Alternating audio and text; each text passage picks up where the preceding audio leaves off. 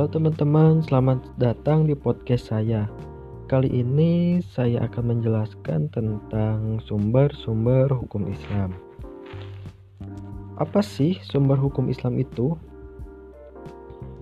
Sumber hukum Islam merupakan suatu rujukan atau dasar yang utama dalam pengambilan hukum Islam. Sumber hukum Islam artinya sesuatu yang menjadi pokok dari ajaran Islam Adapun yang menjadi hukum Islam yaitu Al-Quran, Al-Hadis, dan Ijtihad. Yang pertama ada Al-Quran. Al-Quran merupakan wahyu Allah Subhanahu wa Ta'ala yang disampaikan kepada Nabi Muhammad Sallallahu Alaihi Wasallam sebagai pedoman hidup umat manusia. Secara bahasa, Al-Quran artinya bacaan yaitu bacaan bagi orang-orang yang beriman. Bagi umat Islam, membaca Al-Quran merupakan ibadah. Dalam hukum Islam, Al-Quran merupakan sumber hukum yang pertama dan paling utama. Tidak boleh ada satu aturan pun yang bertentangan dengan aturan.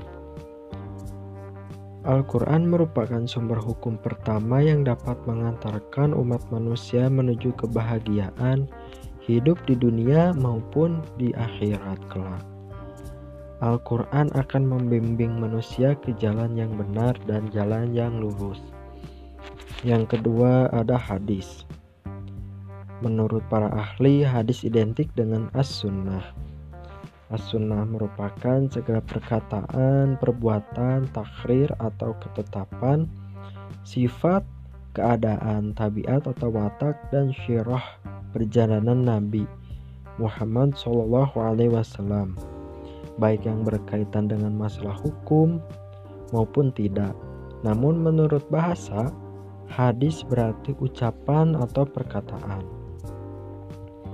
Hadis merupakan sumber hukum Islam kedua setelah Al-Quran. Dalam perkembangan dunia yang seberat global ini, berbagai ketidakpastian selalu menerpa kehidupan manusia sehingga banyak orang yang bingung dan menemui kesesatan. Rasulullah Shallallahu Alaihi Wasallam sudah mengantisipasinya dengan menurunkan atau mewasiatkan dua pusaka yang sangat istimewa, yaitu Kitabullah Al-Quran dan As-Sunnah atau hadis Nabi Muhammad Shallallahu Alaihi Wasallam. Barang siapa yang memegang teguh kedua pusaka tersebut, dia akan selamat di dunia dan di akhirat kelak. Manusia yang berpedoman kepada hadis akan selamat. Maksudnya ialah senantiasa menjalankan kehidupan ini sesuai dengan Al-Quran dan hadis Rasulullah SAW. Setelah kita membahas dua hukum Islam yang paling utama yaitu Al-Quran dan Al-Hadis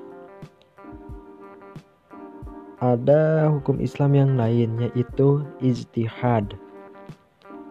Ijtihad adalah mencurahkan segenap tenaga dan pikiran secara bersungguh-sungguh untuk menetapkan suatu hukum. Ijtihad merupakan sumber hukum Islam ketiga setelah Al-Quran dan Al-Hadis. Ijtihad dilakukan jika suatu permasalahan sudah dicari dalam Al-Quran maupun hadis, tetapi tidak ditemukan hukumnya. Namun, hasil ijtihad tetap tidak boleh bertentangan dengan Al-Quran maupun hadis. Orang yang melakukan ijtihad disebut mujtahid. Mujtahid dengan benar dia akan mendapatkan dua pahala Adapun jika ijtihadnya salah, dia tetap mendapatkan satu pahala. Ijtihad dalam kehidupan modern ini memang sangat diperlukan, mengingat dinamika kehidupan masyarakat selalu berkembang sehingga persoalan yang dihadapi pun semakin kompleks. Adapun bentuk-bentuk ijtihad sebagai berikut.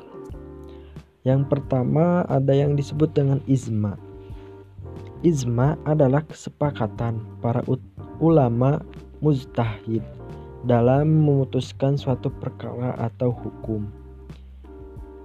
Izma dilakukan untuk merumuskan suatu hukum yang tidak disebutkan secara khusus dalam kitab Al-Quran dan As-Sunnah.